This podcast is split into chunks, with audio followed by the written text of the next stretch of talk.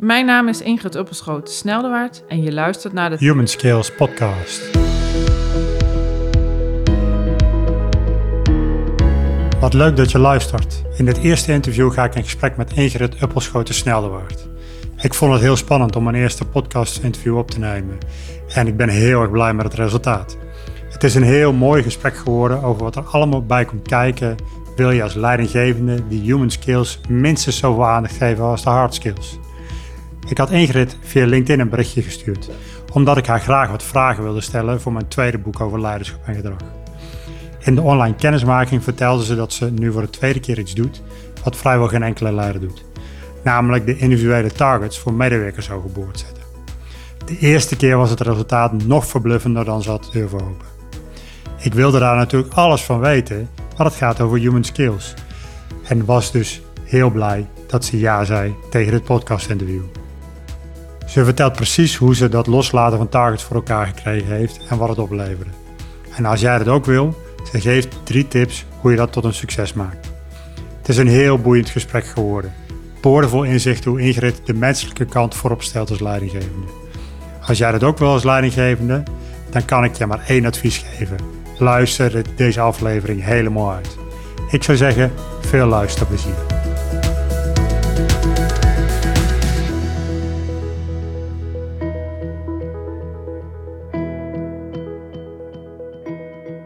Zo, mijn gast in deze aflevering is Ingrid Uppelschoten Snelderwaard. Ze is geboren en getogen in... In Oosterhout en in Veldhoven. Oosterhout en in Veldhoven. En ze is na haar studie Economie en Talen begonnen als consultant. En heeft een jaar bij Michelin gewerkt. En in 2001 maakte ze de overstap naar Maersk. Eh, bekend als een van de grootste containerrederijen van Nederland. Of van de wereld, moet ik Mhm. zeggen. En na een jaar of zeven ging je in verschillende functies voor Maersk als managing director in Namibië werken. En daarna in Tanzania. Ja. En in 2018 werd je verantwoordelijk voor Global Equipment. Mhm. En eind 20, 2020 stapte je in de rol van Chief Operating Officer van eh, Zwitser. Dat is de sleepbotentak van Maersk. Ja. En Zwitser heeft ongeveer 4000 medewerkers, waarvan zo'n driekwart vertelde je op zee eh, bezig is. Ja. Voor jullie. Nou, toen wij voor het eerst online kennis maakten, eh bleken we al wat lijntjes gemeenschappelijk te hebben. We zitten nu aan de eetkamertafel bij mij thuis in op Koude. En eh, je vertelde dat je opa geboren en getogen is hier in het oude centrum en zijn hele leven in op Koude hebt gewoond. Mhm. Nou, dit is dus ook weer even een kleine trip down memory lane Ja, voor jou. ja. Ehm, en eh, je woont nu al en, en, en werkt al een jaar of tien, denk ik, in Kopenhagen. Mhm. Want daar zit het hoofdkantoor van Maersk. Ja. En ehm, ik ben eigenlijk nog wel benieuwd, want dat heb ik niet gevraagd. Wat zijn je hobby's? Ehm, nou, mijn, mijn gezin natuurlijk. Daar eh, leuke dingen mee doen. En eh, mijn vrienden en familie. En ik hou ook heel erg van eh, hardlopen. Dus Ja, eh, ja. Leuk. Leuk. Nou, we gaan samen in, deze, in dit gesprek op zoek naar verhalen en ervaringen en inzichten van jou... waarin je iets geleerd hebt over leiderschap en gedrag. Mhm. En we gaan het in ieder geval ook hebben over eh, ja, wat ik noem een radicaal besluit. Dat je zowel in je vorige functie hebt in- ingevoerd als wat je nu in je huidige functie, functie weer probeert te doen. Eh, met verbazingwekkende resultaten volgens mij. Namelijk het eh, loslaten van eh, sturen op individuele targets. Ja, Nou ja, welkom Ingrid. dankjewel. En ik vind het altijd leuk om, of vind het wel leuk om te beginnen met een, een, een iets andere vraag. Wat wil je laten horen als je groot bent? Ja, een mooie, mooie introductievraag. En dankjewel dat ik hier vandaag mag zijn. Ehm, als ik het allemaal nog een keertje over mocht doen, dus zou ik nu nog kunnen gaan studeren, ehm, dan zou ik het eh, meer de medische kant op gaan. De medische kant. Ja, dan zou ik eh, toch denk ik arts willen worden. Ja? Ja, En hoe, hoe, hoe komt dat? Hoe- omdat ik toch, ehm, wat ik ook wel in mijn dagelijkse werk probeer te doen, is, is een goed, eh, goede omgeving te scheppen. Goede, goed voor mensen te zorgen die, eh, die, voor je, die voor je en met je werken. En daar het hele gezondheidsstuk, dat, eh, ja, dat vind ik wel heel erg mooi. En Ja. ik denk wel dat ik die kant dan toch zou opgaan. Dat heeft het dan ook te maken met dat daar nog wat meer de menselijke kant in zit? Ja, ik denk het wel. Want dat is wel iets wat ik ook in het leidinggeven heel erg leuk vind. Maar Ja. ik zou. Ik vind, ben wel gefascineerd hoeveel, hoe dingen werken en eh, wat mensen motiveert. En wat dat betreft, ehm, zit er natuurlijk inderdaad wel die menselijke kant aan. Maar Ja. het is ook wel. ehm, ik had vroeger wel de, de ambitie om, eh, om kinderarts te worden. En dat, Ja. dat, is, dat is niet gelukt. Ehm, maar eh, heb ik ook niet echt doorgezet, moet ik eerlijk zeggen. Maar toen ik deze vraag als, als teenager kreeg, was dit het antwoord. Ehm, maar in ieder geval, eh, ja, ik vind het mooi om met mensen bezig te zijn. En Ja. ik denk dat je in een, ar- als arts ehm, daar een, een- nog een extra dimensie aan geeft... Ja, om te ja. zorgen dat mensen weer, eh, weer beter worden. Ja, ja Dus het gaat dat, natuurlijk eh, niet over uh, onerbiedig gezegd het schuiven van containers, maar het gaat over het menselijk lichaam. en Het gaat, mensen. ja, precies. Het gaat over het allerbelangrijkste wat we hebben. Dat is onze gezondheid. En, en dat is, ja, dat, dat is een mooie, mooie uitgangsbasis. Mooi, leuk, leuk. Hey, ehm, we gaan het eh, hebben over leiderschap en gedrag. Ja. Ehm, wat, eh, wat ik wel in- interessant vind om even van jou te beluisteren is, wat, wat is, wanneer heb jij succes als leider? Hè? Misschien is er ook wel een bruggetje met het menselijk aspect waar we het net over hadden.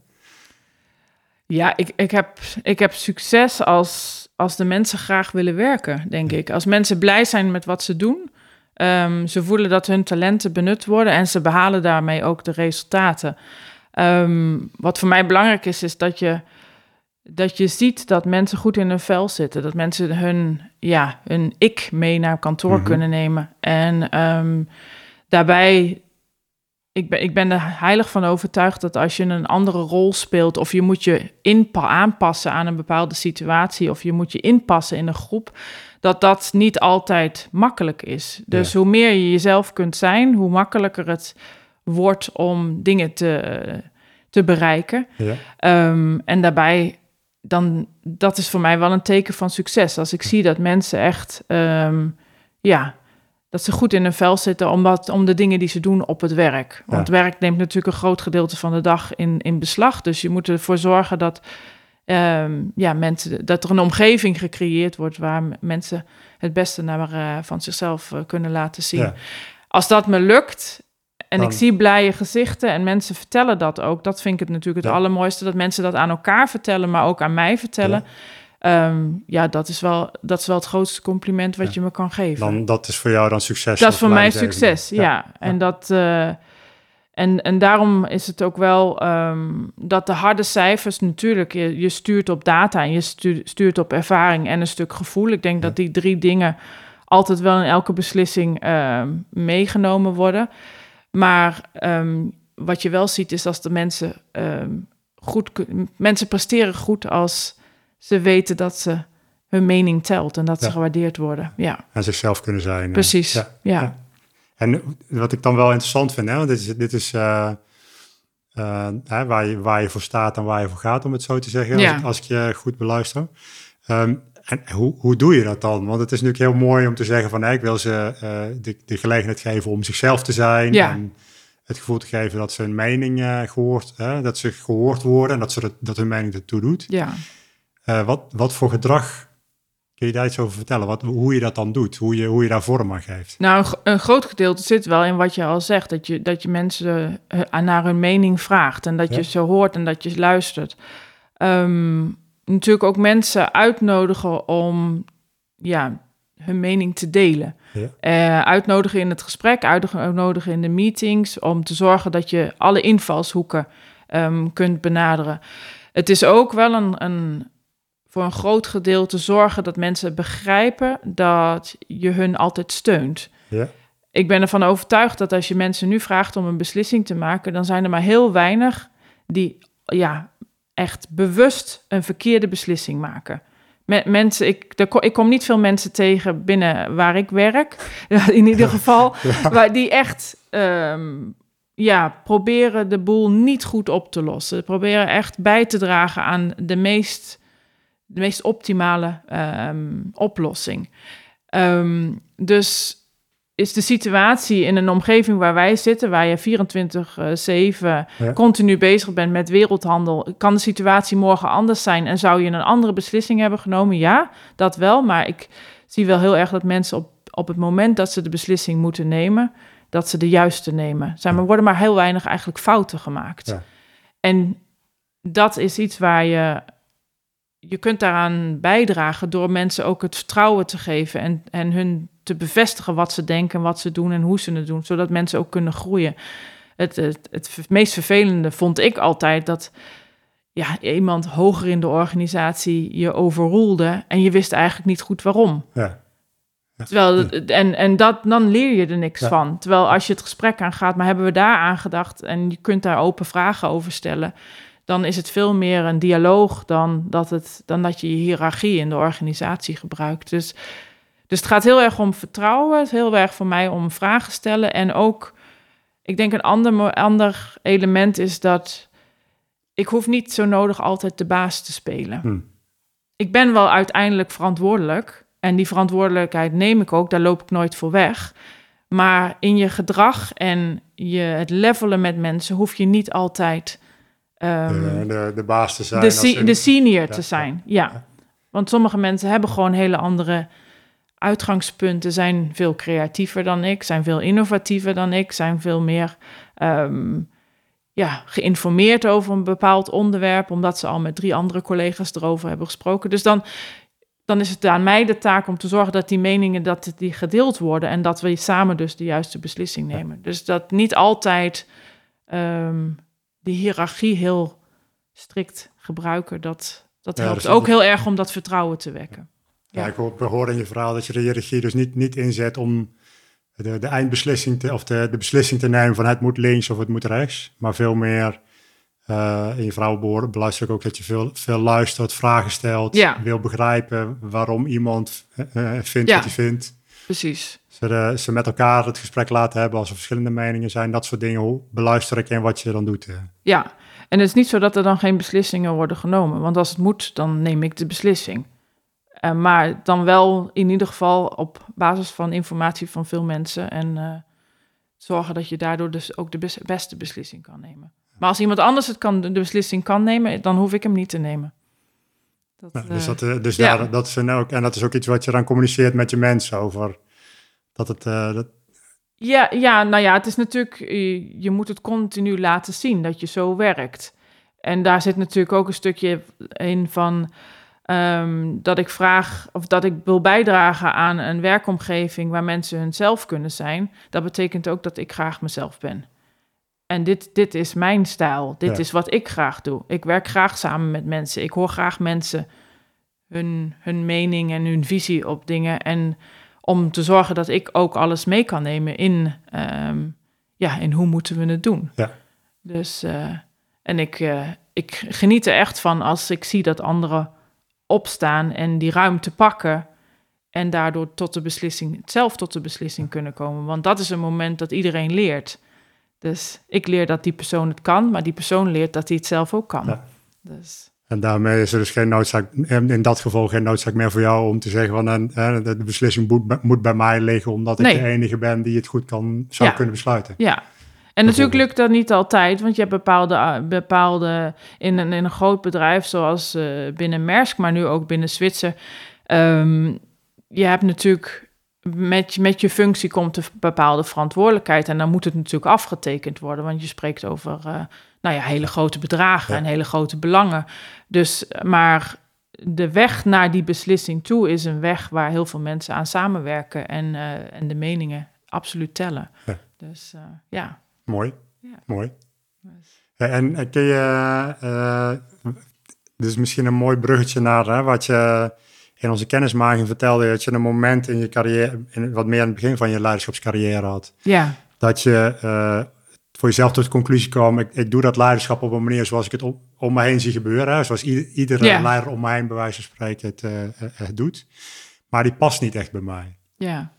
Uh, kun je daar iets meer over vertellen over nou ja, hoe je die ontdekking voor jezelf gedaan hebt? Ja, ik denk dat dat um, heel zichtbaar voor mezelf werd toen ik de overgang maakte van uh, functie in Rotterdam naar um, de functie in Namibië.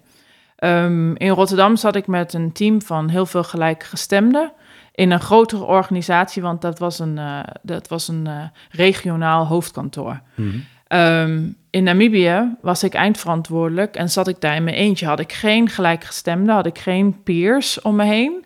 En moest ik het natuurlijk zelf doen. Ik was eindverantwoordelijk voor dat land en dat was de eerste grote, grotere team uh, dat ik leiding mocht geven.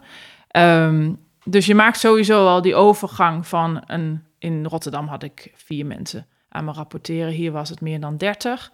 Dus dat is natuurlijk dat is best een stap. Ehm, en daarnaast om in een heel ander land te gaan werken en om eindverantwoordelijk te zijn en niet uh, heel veel gelijkgestemden om je heen te hebben, dat maakt het natuurlijk een hele andere dynamiek. Um, er wordt ook veel meer naar je gekeken en je bent ook veel meer het, in Namibië ben je samen met je team het gezicht van Maersk. En dus op dat moment realiseerde ik me dat ik het veel meer kon gaan doen zoals ik het wilde, omdat er eigenlijk er is niemand aan wie je je spiegelt je, je, je spiegelt je alleen maar aan jezelf. En je ziet wat het doet met mensen en of het werkt of dat het niet werkt. Dus je, je krijgt direct feedback.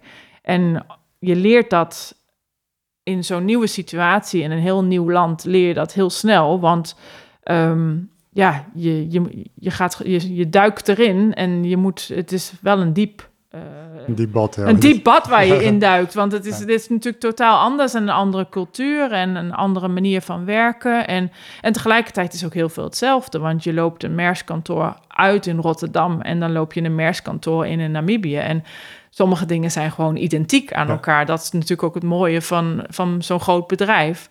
En daar heb je dan dus ja, de eerste zes, acht weken, dan moet je alles leren en alles is nieuw. En je doet heel veel op basis van eerste gevoelen en eerste indrukken. En dan, daar, daar zag ik opeens, oké, dit werkt hier wel en dit werkt hier niet. Maar hier voel ik me eigenlijk wel veel prettiger bij. En kun je, dat... Kun je een voorbeeld noemen van iets wat je daar hebt uitgeprobeerd... waarvan je constateerde dat het niet, eh, dat het niet werkte? Nou, um, ik had in, in Namibië had ik ook de verantwoordelijkheid voor, het was uh, white collar en blue collar. Um, je moet je communicatie daarbij aanpassen. Waar um, sommige mensen heel goed functioneren in de dynamiek van uh, het ja, van global trade en niet altijd weten wat er morgen gaat gebeuren en hoeveel, hoeveel uh, ja, waar moeten we precies voor plannen heb je bij de mensen in het depot, was het, moesten we het wel heel goed plannen. Moest het heel duidelijk zijn. Moet je goed duidelijk communiceren, wat zijn de verwachtingen, hoe gaan we met elkaar werken. Um, daarbij kwam in Namibië ook dat er nog steeds uh, het, de gevolgen van apartheid waren zichtbaar. Ja. Um, dat was elf jaar geleden, um, uh, tien, elf jaar geleden, als ik het goed heb. Maar in ieder geval, het, het gaf een hele andere. Mensen, mensen namen het bericht of de boodschap namen zich heel anders op. En dan, je moet daar rekening mee houden. Dus de eerste keer dat ik bij hun was, was het veel meer um, dat vragende en dat onderzoekende. Maar dan aan het eind van twee dagen later hoorde ik dan bijvoorbeeld, maar ja, ja, uh, very nice woman, but what does, what does she really want? Dus daar moet je je aan aanpassen. Want anders dan kom je niet, uh, ja, krijg je je boodschap niet, niet, niet verder. En dan ja, creëer je natuurlijk geen structuur en creëer je eigenlijk geen, uh, ja... Niet de, niet de duidelijkheid die die mensen door, nee. door hun eigen, nou ja, eh, de, de historie die ze zelf hebben meegemaakt nodig hebben om. Uh, ja, en, en ja, maar ook door de, door de operatie die dat dan vraagt. Dat, dat bepaalde dingen gewoon echt gewoon goed gepland moeten worden. En um, dat je dat niet zomaar over kan laten. Dat, dat je niet kan verwachten dat mensen dat wel oppakken. En dat, uh, dat is iets waar ik. Uh, ja, vrij snel achter kwam. Dat je daar duidelijkheid in moet scheppen. Ja, ja. ja. dus dan waait de, manier, de, de natuurlijke manier van, uh, van, het, van het onderzoek en vragen, waar we het net ook over hadden, wat je nu uh, in, ja. in, Kopenhagen, uh, wat, je, wat, je, wat dat dichtbij je staat, wat ja. bij je past. Dat, dat kan je dus niet zomaar trans, of, transponeren naar, in dit geval, Namibië met, met, met een andere cultuur. Ja, precies. Een hele andere historie. Ja, en... Andere meer van hoe die mensen gewend zijn geweest om een vorm van leiding te krijgen. Ja. Apartheid was natuurlijk ook een vorm van leidinggeven waar natuurlijk nogal wat over te doen is geweest. Ja, dus dat... Uh, ja. En, en er, zit, daar, daar zat natuurlijk heel veel historie achter. En um, ja, daar moet je wel, daar moet je wel rekening mee houden. En um, ik heb daar ook uh, gesprekken gehad en meetings gehad... waarom ik moest uitleggen dat Maersk goed is voor alle mensen. En niet voor een bepaalde groep. En dat zijn, dat zijn natuurlijk indringende gesprekken. Want die, wij, ik kom uit een land waar gelukkig dat niet uh, heeft plaatsgevonden, waar ehm, je daar niet mee bent opgegroeid. Ehm, maar je, ben, je moet niet vergeten dat je daar wel in uh, zuidelijk Afrika zit. Ja. En daar zit een hele historie achter. Dus dat, dat, moet je, ja, dat moet je wel meenemen, moet je aanpassen en moet je zorgen dat um, jij degene bent die daar flexibel mee omgaat. En niet altijd verwachten dat, omdat je de leidinggevende bent daar, dat zij daar anders mee om moeten gaan. Want dat, dat haal je er niet zomaar uit. En dat moet ook niet. Dat, uh... nou ja, het begint natuurlijk ook bij de leider om daar veranderingen in aan te brengen. Om, dat, om daar ander gedrag in te laten zien dan wat voorgangers hebben laten zien. Precies, je kunt daar een voorbeeld in zijn. Zodat ook die mensen misschien een bepaalde ontwikkeling ja. kunnen doormaken. Ja, precies. En dat heeft natuurlijk tijd nodig. Dus je bent een onderdeel van dat hele traject. Maar je bent, de, ik moet ook eerlijk zeggen, je bent daar natuurlijk wel te gast. Ja. Dat moet je niet vergeten. Ja, dus, uh, ja, te gast. En je hebt daar, hoe lang heb je daar gezeten? In Namibië heb ik een jaar gezeten. Ja, dus je hebt, je hebt ook maar een jaar om iets, ook, iets, ja, iets, na te laten. Ja, precies. Ja, ja. ja. Mooi, mooi. Hey, en um, uh, je hebt daarna ook nog in Tanzania gezeten. Ja. Uh, je, je bent een begenadigd auteur, als ik het goed begrijp, van, het, van het, de, de anekdote die je geschreven hebt voor het boek Lefwijven. Ja. Of Lefwijf is Lefwijf, ja. ja. Um, zou je iets over die anekdote willen vertellen? Wat, wat, wat was er aan de hand? En, want ook daar zit volgens mij iets van een leiderschapservaring uh, in. Daar zit een... Uh, het, uh, het boek Lefwijf is een, is een initiatief van Lucinda Douglas. En um, zij had op een gegeven moment op LinkedIn een post gezet... wie wilde met mij sterke vrouwen een boek uitgeven. En met allemaal een hoofdstuk schrijven.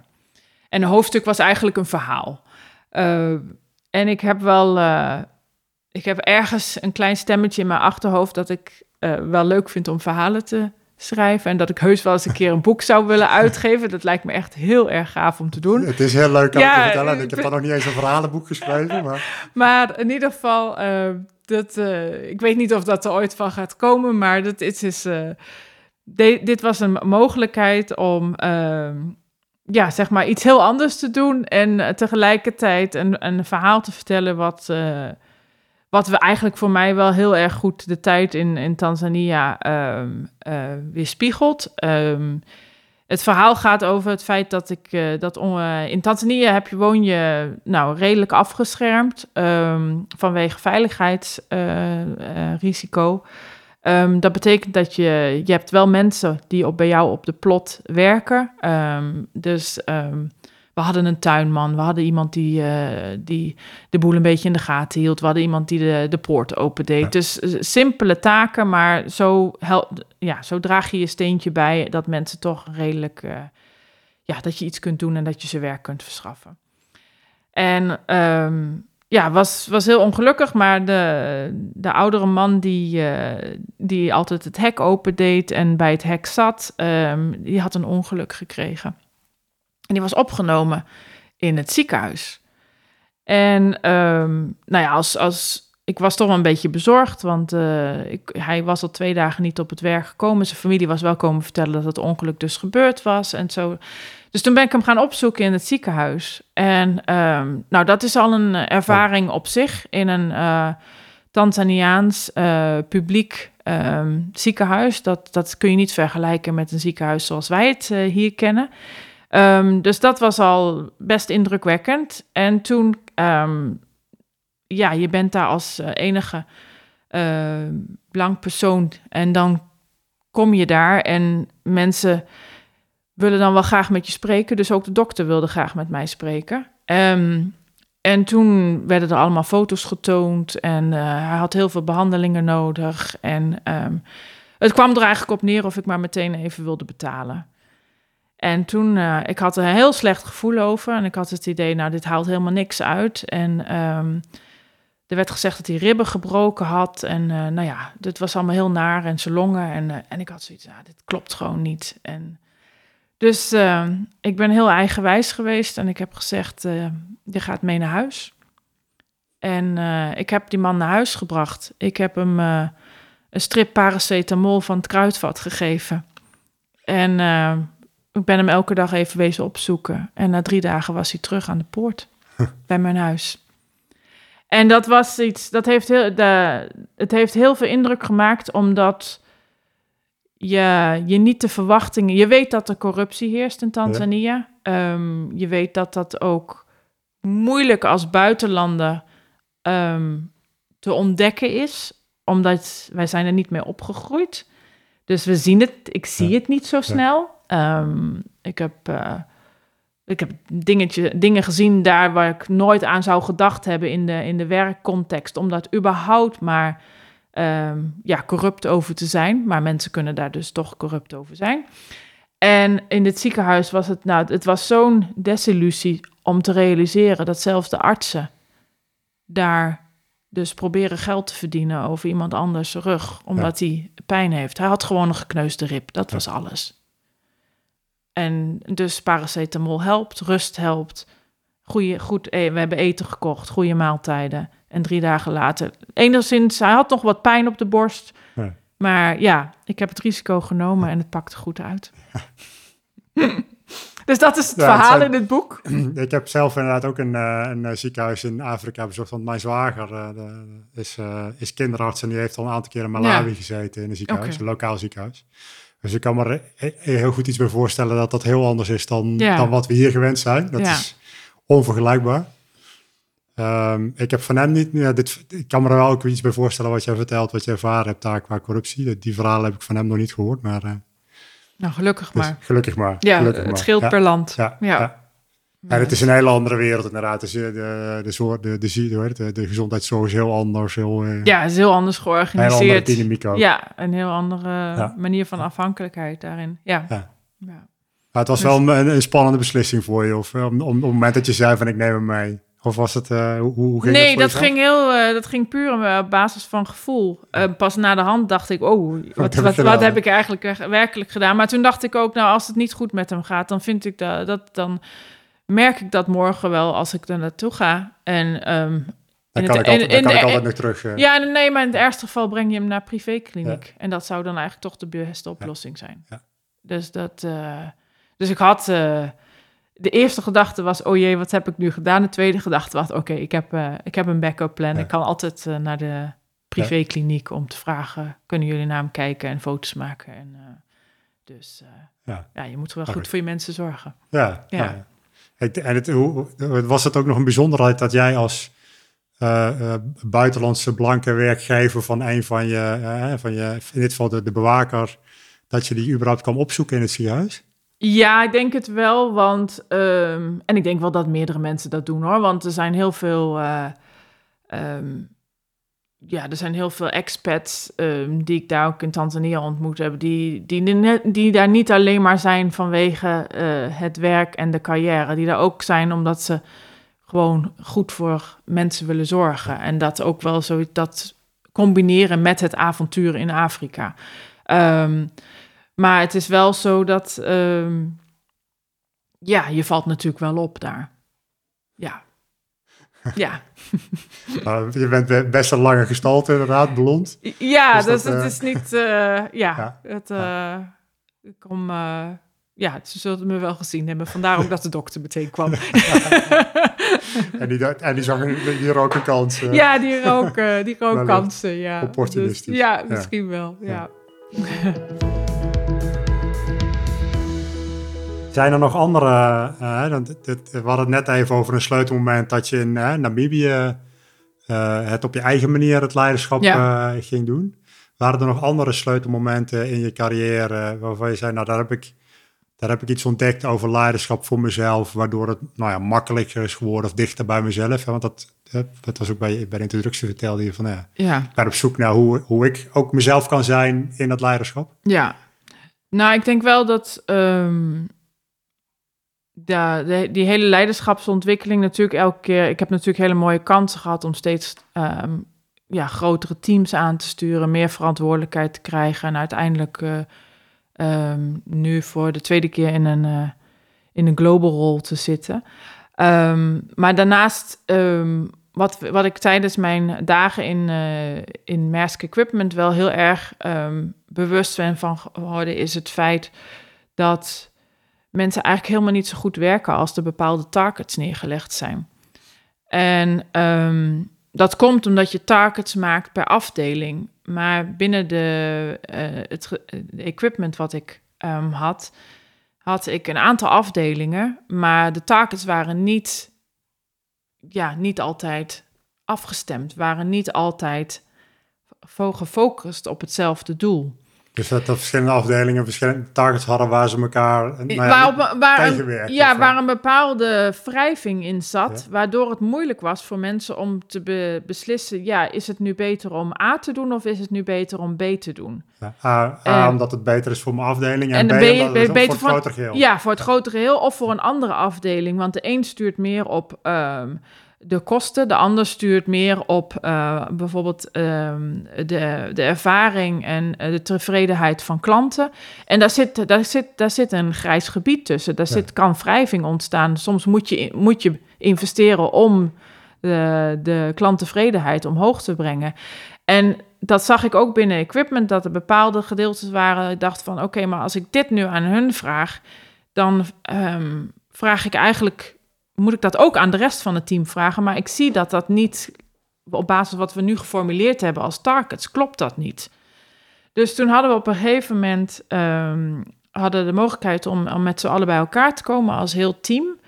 Um, ik had ook een grote organisatie um, in India, wat betreft de back-office. En er waren een aantal mensen die, konden, die hadden we uitgenodigd voor die meeting in, uh, in Kopenhagen. Dus we hadden, waren ongeveer met 50 man. En toen zijn we, hebben daar de hele dag over gebrainstormd op basis van verschillende oefeningen. En op een gegeven moment, en ik was er zelf al mee aan het, aan het nou noem het een beetje worstelen, want je zit in een grote organisatie, zijn heel erg gewoon om uh, te werken met targets. Dus het, het was nogal iets om daar volledig van af te stappen. En op een gegeven moment zeiden er een aantal van, ja Ingrid, wat als we helemaal geen targets zouden hebben? En toen dacht ik, ja, als ik het nu al eigenlijk zo dat ik het al iets van daar naartoe aan het manoeuvreren was en mezelf eigenlijk al aan het soort van overtuigen was, zou dat wat kunnen zijn. En toen kwam het ook als zeg maar van mijn team. Ja. En toen dacht ik, ja, nu heb ik gewoon een unieke kans om iets te gaan doen. Dus toen heb ik die, al die 50 man heb ik gebruikt om, ja, maar hoe, ziet, hoe moet het er dan uitzien? Als we het thuis wat, wat, wat, wat, gaan, we, gaan we dan doen? Wat gaan we dan doen? Wat als we dat doen? En vertel me dan hoe het eruit ziet. Want hoe zorg je ervoor dat jij en jij en jij allemaal de, de juiste beslissing kunnen nemen? En toen op een gegeven moment, dat, dat heeft een half uur, was dat zeg maar een beetje een chaotische discussie. Want dat, niemand weet eigenlijk uh, hoe dat er dan uitziet. En um, op een gegeven moment zeiden me, wat als we met een visie gaan werken? En we hebben een soort van mantra in equipment van hier moet het altijd aan voldoen. Ja. En toen, um, die hadden we eigenlijk, nou ja, binnen een kwartier hadden we die visie. Dus toen was het eigenlijk heel simpel om op dat op papier te zetten. En aan iedereen te vragen, kan je hiermee werken? Als je deze definitie, als je die visie toepast op jouw werk, ben je er dan van overtuigd dat je de juiste beslissing kan nemen voor het bedrijf, voor de klant en voor, ja, voor uh, wat we moeten doen. En daar was een unaniem ja op. Dus toen dacht ik, ja, nu ga ik het gewoon proberen. Ja, mooi. En toen hebben we een businessplan geschreven, zodat we wel wat meer, um, ja, de hele de visie wat meer uh, handen en voeten kon geven. Wat betekent dit nu voor ons? En ook een aantal uh, casus erin verwerkt van hoe moet je, wat als we nu dit en dit uh, deze situatie hebben. Hoe gaan we daar dan mee om? Oké, nu uh, pakken we ons terug op die, uh, op die visie en hoe gaan we daar dan mee verder? Dus we hadden een soort van twee of drie business cases geschreven. Zijn die, waren die voor iedereen duidelijk? Dat hebben we gevraagd en dat was zo. Dus toen zijn we gewoon begonnen. En na zes weken, acht weken, um, had ik de mensen aan mijn bureau staan en zeggen: Nou, dit, dit werkt fantastisch. Ja, zijn zo blij. Toen we, toen we, ja, we hebben het hier ook even gehad over toen we kennis maakten. Toen vertelde je dat je hoopte dat je met zes, vier of zes maanden of zo resultaten zou hebben. Ja, dat ging heel snel. Maar het ging veel sneller dan, je, dan jullie hadden, dan je had durven dromen. Ja, en ik had wel tegen ze gezegd, ik had de slag om de arm gehouden, want ik had gezegd van, we zijn natuurlijk een onderdeel van een heel groot bedrijf, um, dus ik weet niet precies hoe dit praktisch uitpakt als wij geen targets meer hebben. En de rest van de organisatie heeft dat wel. En ehm, dus ik had gezegd, nou, we doen het, we, we implementeren het en dan kijken we zes maanden hoe het gaat. En als het niet gaat, dan moet ik het terugtrekken. Dan moeten we het eh, weer terug naar het target. Maar hopelijk is dat niet nodig. En toen na, ehm, ja, na een aantal weken begon je het effect al te zien. Mensen werden, de, de beslissingen werden beter, er werd sneller besloten. Ehm, de mensen vonden het veel plezieriger werken. Er was veel minder discussie ook. Want ja, je, je wordt natuurlijk afgerekend op basis van je target. Dus als je, wanneer geef je, ja, je, je ander, het andere team binnen het team, wanneer geef je die uh, dan eigenlijk um, ja, het gelijk, terwijl je weet dat het jouw afdeling scorecard eigenlijk impact. Dus dat, dat was natuurlijk, en dat was, was volledig weg. Die dynamiek was weg. Ja, kijk, ik herken die dynamiek wel. Ik heb uh, jarenlang bij NS gewerkt en in, mhm. een, in een programma gezeten voor de deur-tot-deur reis. Ja. Uh, dat heette toen nog keten, maar tegenwoordig deur-to-deur. was iedereen, iedereen wist dat, je, dat dat belangrijk was voor de treinreiziger. Ja. Een heel programma, iedereen vond het belangrijk, heel veel effort ingestoken. En na een jaar waren de, de programmamanager en ik waren danig gefrustreerd dat er bijna niks gebeurd was. Maar dat had met targets te maken. Want iedereen, ja, ik wil het wel, maar ja, ik word er niet op af, hè, mijn baas wordt er niet op afgerekend. Nee, precies. Dus als het druk is, is het het eerste wat van de tafel valt. Ja. Dus dat is, uh, ja. ja. en het grappige was natuurlijk wel dat ik was nog de enige in het team die targets had. Want ja, mijn baas had natuurlijk wel mij de targets gegeven. Ja. Dus op een gegeven moment heb ik hem geïnformeerd en gezegd: ik, ga, ik stap er vanaf. En ik ben de enige in het team die de targets heeft. En uh, nou ja, als je vindt dat het niet goed gaat, dan, uh, dan, dan, laat het me weten. Dan moet je bij mij zijn. Ja, we hebben het nooit meer besproken. Was hij, prima. Hij heeft, oké, maar en hij heeft wel uh, die targets. Ja, je zit natuurlijk nu niet meer in die functie. Nee, ik zit niet meer in die functie. Maar die target, dat, dat target is bij jou wel blijven liggen. Daarna. Ja, die is blijven liggen, omdat we natuurlijk overal in het systeem uh, ja. kon je daar niet van af. Maar, maar dat was ook, dat, wa dat waren zes, zes targets die ik moest behalen. Maar alles wat betreft in de visie en equipment resulteerde in om dat te, te behalen. Dus daar zat geen conflict tussen. Het was zodra je het ging uit splitsen, naar, naar, andere afdelingen, dat het heel moeilijk werd om te zorgen dat er geen conflict was. Of naar eh, afdelingen buiten equipment. Dus we zaten op, uh, uiteindelijk werden we dan met dat businessplan en, en die visie um, werd het heel erg makkelijk om die zes targets te behalen. Dus, het was, uh... dus uiteindelijk heb je met deze, dit radicale besluit ja, je eigen werk, om het zo te zeggen, om, om die targets ja, te behalen, eigenlijk, eigenlijk makkelijker, een stuk makkelijker gemaakt. Ja, precies. En ook een stuk uh, leuker, want we hebben elk jaar een, uh, een engagement survey, of twee keer per jaar. En ja, dat, dat ging ook, de score ging ook goed omhoog. Ja. En hoe, hoe reageerde je omgeving erop? Nou, de, de andere teams buiten equipment, die begonnen wel het verschil te zien. En ook dat het zo, um, ja, dat mensen zagen groeien. En dat ze mensen zagen hoe plezierig het was om met equipment samen te werken. En um, natuurlijk binnen Maersk, equipment is een, is een cruciale functie. Want zonder een container kun je niks laden. Dus kun, je, kun je geen handel uh, vervoeren. Um, dus dat was heel prettig om te horen dat mensen ook buiten het team uh, zagen dat het eigenlijk werkt. En, uh, en ook wel zeiden van, nou, we zouden dit overal moeten doen binnen Maersk. Dat eigenlijk we gewoon, alles moet gestuurd worden op basis van, van profitability. En dan weet je ook welke beslissing je moet nemen. En dan kun je ook langere termijn veel beter in, uh, in ogenschouw nemen dan alleen maar de korte termijn optimalisatie. Dus ja, dus het was, het was heel positief. Ja. En is het, uh, is het nog verder uitgerold? Uh, nee, het is niet verder. nee, is, nee het, is wel, het is nog wel steeds een discussiepunt. Ja. Um, en binnen Zwitser ben ik, ben, ik zit er nu zes maanden. Dus ja, ik ben uh, natuurlijk eerst de tijd genomen om het bedrijf te, te leren kennen.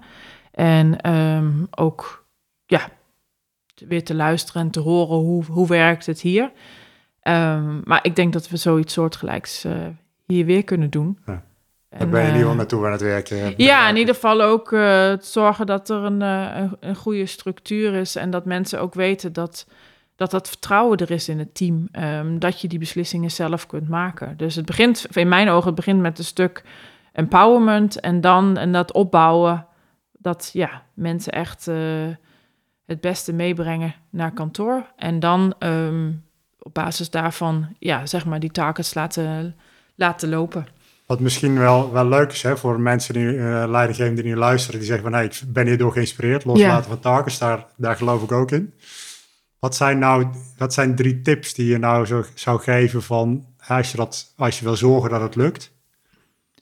Um, wat we heel erg gedaan hebben, is er heel open over te communiceren. Dus ook, ik heb wel heel duidelijk gezegd, zoals ik net al aangaf, um, als het niet goed gaat, dan, dan trekken we het, uh, het weer terug. Maar dat gaf meteen ook het mandaat voor iedereen om er een succes van te maken. Want na een aantal weken, als je gaat merken dat mensen het leuk vinden en het werkt beter en mensen krijgen er meer tevredenheid over, dan wil niemand meer dat dit een mislukking wordt. Dus we bleven erover communiceren. Um, wat betekent het? Welke beslissingen moeten we nemen? Um, hoe ga je daar precies mee om? En dus voor sommige mensen die hebben natuurlijk ook, laten we niet vergeten, 20 jaar met targets gewerkt. Dus je moet je daar even van ontkoppelen, loskoppelen en zorgen dat je ja, die nieuwe, noem het vrijheid, ook opzoekt. Dus daar hebben we ook mensen bij moeten helpen. Dus je moet niet, het was niet een proces van oké, we hebben een visie, we hebben een businessplan als equipment management team en dan laten we het gewoon maar los. Nee, het was echt wel goede begeleiding, uh, dagelijks over praten. Hoe doe je dit? En wat voor um, obstakels zie je? Waar loop je tegenaan? Zodat mensen echt wel vonden dat, oké, als het moeilijk voor ze was, dat ze dat ook gewoon, zeg maar, hun hand konden opsteken en daar meer support bij kregen. Ja, dus ook vanuit um, als leidinggevende daar ook inderdaad echt actieve betrokkenheid bij hebben na de, na de beslissing. Ja, het is niet alleen maar uh, top-down, want dat, uh, dat zou natuurlijk, ja, dat werkt gewoon niet. Een daarvoor, recept, voor failure. Ja, precies. Ja. Daarvoor is de beslissing ook veel te groot. Zeker als je in een, in een omgeving zit waar heel veel op targets gestuurd wordt. Ja. Um, en daarbij is het ook, ook wel gewoon heel duidelijk uitspreken dat je het vertrouwen hebt in de mensen. Als je niet bereid bent om dat vertrouwen te geven, dan moet je het niet doen. Ja, dat is ook een hele heldere. Ja, want dan, uh, nee, want als je dan. Uh, mensen nemen de beslissing. Ja. Dus als je het zelf het gevoel hebt dat um, je als leider de eindverantwoordelijkheid hebt. en dat betekent dat je alle touwtjes um, ja, vast moet houden. dan moet je het niet doen. Want dan dat, dat, dat werkt niet. Mooie, mooie tip. ja. Doe het alleen als je ook de, de touwtjes los durft Ja, als je durft los te laten. En daar de begeleiding bij geeft. Ja, en dat is natuurlijk niet makkelijk, want het is, uh, het, ja, dat is ook een proces. Ja. Maar dat uh, is ja, wel heel fascinerend ook, ook om doorheen te gaan. een proces bij jezelf bedoel je? Ja, absoluut. Heb, je, heb jij daar zelf nog in dat proces nog, ben je nog tegen dingen aangelopen bij jezelf? Of, Jawel, want het is natuurlijk als je mensen vraagt hoe los je het, als je mensen vraagt wil je het oplossen en wil je de beslissing daarover nemen, dan moet je natuurlijk niet um, continu een stemmetje in je hoofd hebben dat zegt ik had het eigenlijk anders gedaan. En dat gebeurde natuurlijk wel eens. Dat ik dacht, oh, oké, oké. Ik hoop dat ik, denk, ja. ik hoop dat het goed gaat. Of ik hoop dat uh, dit inderdaad werkelijk de juiste beslissing was. Maar men, dat stemmetje ben je wel tegengekomen. ja, dat stemmetje ben ik ook tegengekomen. Ja. Omdat sommige dingen natuurlijk heel, zijn heel, uh, ja, hebben grote impact op wat wij doen. En um, dus daar moest ik mezelf natuurlijk ook wel in trainen. Dus je moet af en toe ook jezelf trainen om er niks over te ja. zeggen. Ja. En het, het, het systeem het systeem laten zijn. En niet denken dat je overal toch nog even uh, het ingitsausje overheen moet... Uh, moet gooien. Nee, je hebt gevraagd dat je team het doet en die team pakt het op. Dan moet je het ook die vrijheid geven. Dan moet je niet gelijk over ingrijpen bij de eerste nee, beste... Nee, precies. dat je je eigen stemmetje hoort. Ja. Dus dat, en dat is, ook uh, mooi, dat is natuurlijk ook een manier van vertrouwen geven. Want als je, als je dat stemmetje dan volgt, dan ondermijn je eigenlijk het vertrouwen wat je... Ja, precies. Waarvan je zegt dat is heel belangrijk om dat, om dat ook uit te, ja. uit te dragen. Ja, want het laatste wat ik wilde was dat ze dachten dat ik nog steeds uh, als de zeg maar als de, de schoolmeester langs kon lopen met een rode pen om een streep door te zetten door het, plan. Het moet linksaf of het moet rechtsaf. Ja, dat was niet de bedoeling natuurlijk. Dus, uh, mooi, dus daar heb je voor jezelf ook Ja, daar heb ik wel moeten leren. ja, dat... Uh... Mooi, mooi. Um, ik heb ook nog een paar, uh, ook een vaste rubriek. Ja. In de, in de podcast. Dat is on the spot. Ja. Dus ik ga je twee keuzes geven. Oké. Okay. En uh, je moet kiezen. Ik moet uh, kiezen, oké. Okay. Er zitten, er zitten, de eerste twee zijn trouwens geen keuzes. Dat zijn meer gewoon uh, vragen. Wat is het laatste boek dat je gelezen hebt? Um, Why Men Win at Work bij Gil Whitty Collins. En wat, wat vond je daar intrigerend of boeiend aan? Ehm, het is een boek omtrent diversiteit. Um, en het, het boek... Gil is iemand die heeft uh, bij Procter Gamble gewerkt als senior VP. En ze heeft heel duidelijk opgeschreven waar, hoe, hoe het is als je probeert je aan te passen in een organisatie die vrij male dominant is. hoe ga je daarmee om als vrouw? En er zitten voorbeelden in die heel herkenbaar zijn. Dat je je aanpast, dat je dingen anders doet. En dat er niet altijd ruimte voor is, omdat de meerderheid van de groep um, bestaat uit mannen. En um, wat dat betreft, dat boek is een, was, was op zich wel een eye-opener. Ja, en er staan ik... hele praktische tips in. Hoe kan je dat voorkomen? En ja, ik ben wel op een moment in mijn carrière dat ik dat al lerende heb, heb ontdekt. Heb ontdekt. Ja. Maar als je dat boek tien als ik had het boek heel graag tien jaar geleden ja. um, gelezen. gelezen ja. Ik vermoed dat, dat uh, containerreizen is waarschijnlijk uh, redelijk door mannen gedomineerde wereld, kan ik me ja. voorstellen. Ja, absoluut. ja, gelukkig is het binnen Zwitser is, moet ik zeggen dat het diverser is um, in het leadership team. En dat, dat is ook dat is fantastisch om te zien. Ja. Dat, is, ja, dat geeft een hele andere dynamiek. Is er een, kun je één voorbeeld, kort voorbeeld noemen waar je zegt, hè, dat in het boek zijn er, zijn een aantal situaties waarin je je aanpast als vrouw. Kun je iets noemen uit je um, eigen ervaring waarvan je ja. denkt, daar zit herkenning op? Ja, ik heb wel eens als er te veel mensen in de, in de meetingroom zaten, dat ik in de, op de, in de vensterbank in het raam zat. En dan kun je, dan kun je zeggen, omdat ik mijn stoel had afgestaan. Ja. Ja, dat, dat... Was, je, was je al eerder binnen in de kamer, maar er kwamen nog meer mensen er kwamen nog meer bij. Ben, ben ik, ja, en ik was niet de, ja, en ik ben niet blijven zitten. Ik ben naar de, naar de vensterbank gegaan. Heel, heel klein praktisch voorbeeld. Maar, heel, maar dat is tekenend voor hoe... Uh, 9 van 10 keer zijn dat de vrouw, is het een vrouw die dat Als ik dit, als ik dit voorbeeld eruit haal, ieder, al, iedere vrouw herkent dat bijna. Ja. Dat is heel, het is heel, het is heel bijzonder. Ja, het is heel mooi om daar in ieder geval ook weer meer bewustwording op te krijgen. Dan ja, weet je, wat gebeurt daar? En, ja, precies. En van beide kanten. Het, uh, ik ja. dat het ook een boek is voor Ja, het is ook een, boek, is ook een boek voor mannen om te ja. lezen. Om te herkennen waar, uh, ja, waar vrouwen mee, uh, mee ja. kunnen struggelen. Niet allemaal is dat natuurlijk, maar en ook niet alle voorbeelden zijn van toepassing. Maar um, er zitten er gewoon heel duidelijk in dat je denkt van, oh ja, dat heb ik ook gedaan. Oh. Had ik niet moeten doen. Wat was de titel nog een keer? Uh, Why Men Win at Work. Oké, okay, nou, een hele mooie leesvoer voor, voor, voor, de... voor na deze podcast. Ja, precies. Uh, de, de on the spot. Ja. Uh, ochtend of avond? Uh, ochtend. Gezonde smoothie of English breakfast? Gezonde smoothie. Kamperen of all-inclusive? Oeh. mag niet beide. Dan ja, all-inclusive. Ja, ligt eraan. Um, nee, ik denk toch maar kamperen. Nederland of Denemarken? Oh, dat is een gewetensvraag. Um, voor nu Denemarken, later weer Nederland. Uh, landrot of zeebenen? Nee, ik ben wel een landrot. maar graag met uitzicht op zee. En bestuurder of passagier? Mm, bestuurder. Dat is toch uh, wat liever de touwtjes of ja. de leiding dan, uh, ja. dan volgen. Ja. ja. Mooi.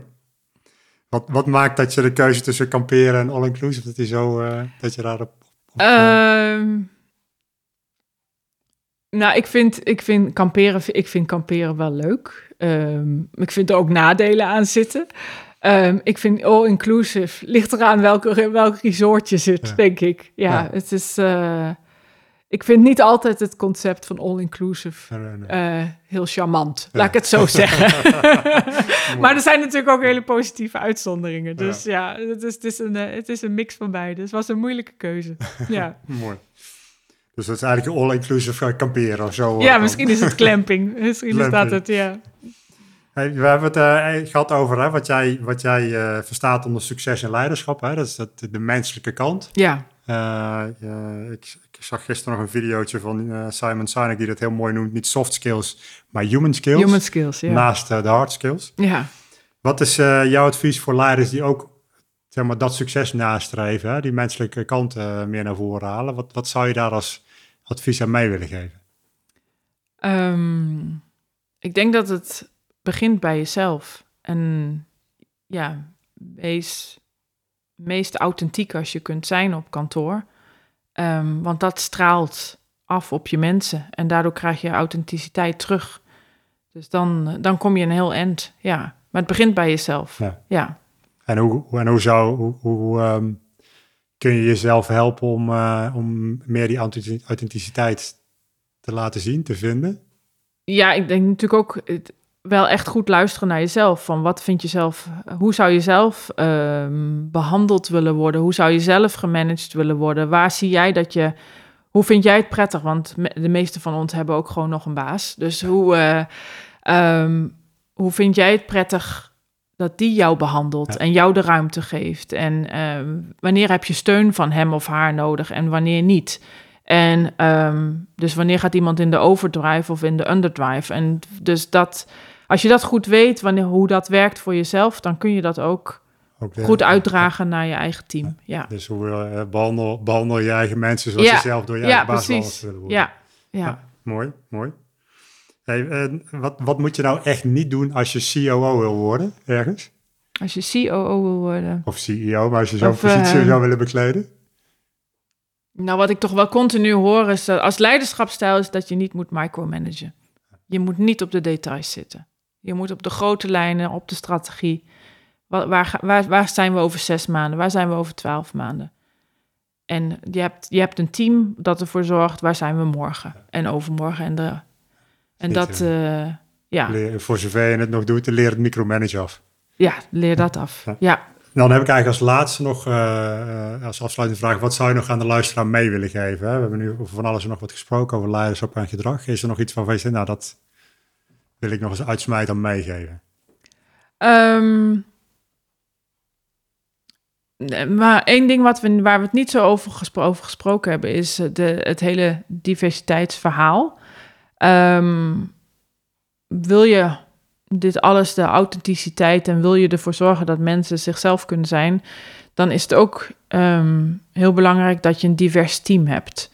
En, want daardoor zie je dus dat mensen verschillend zijn. En dat mensen niet um, hoeven te spiegelen. En niet iets over hoeven te nemen hoe een ander, te doet, uh, hoe een ander het doet, maar dat ze zichzelf kunnen ontwikkelen. Dus hoe diverser je team, hoe makkelijker die opdracht eigenlijk wordt. Ja, dat is een mooie afsluiter. Ja. Hele mooie uitsmijter. nou, dankjewel Ingrid. Ik vond het een heel leuk gesprek. Dankjewel, jij ook bedankt. Bam, je bent er nog. Dat betekent dat je me hebt uitgeluisterd. Ik hoop dat ik niks te veel heb gezegd aan het begin en dat je net zo geïnspireerd bent door alle mooie en kwetsbare inzichten die Ingrid gedeeld heeft. Ik hou van leiders zoals zij, die de guts hebben om het anders te doen, op hun manier. Die zien dat het gebaande pad niet het beste is voor mens, eh, organisatie en samenleving. Die hun intuïtie volgen, een radicale beslissing nemen en die tegen de stroom in uitvoeren. En dat ook nog eens in oprechte verbondenheid met iedereen om hen heen. Houd je er ook van en wil je meer inzichten ontdekken van zulke leiders? Zorg dan dat je op mijn podcast mailinglijst komt via www.humanskillspodcast.nl. Dan krijg jij van mij bericht zodra de volgende aflevering klaar staat. Tot dan, leid intens.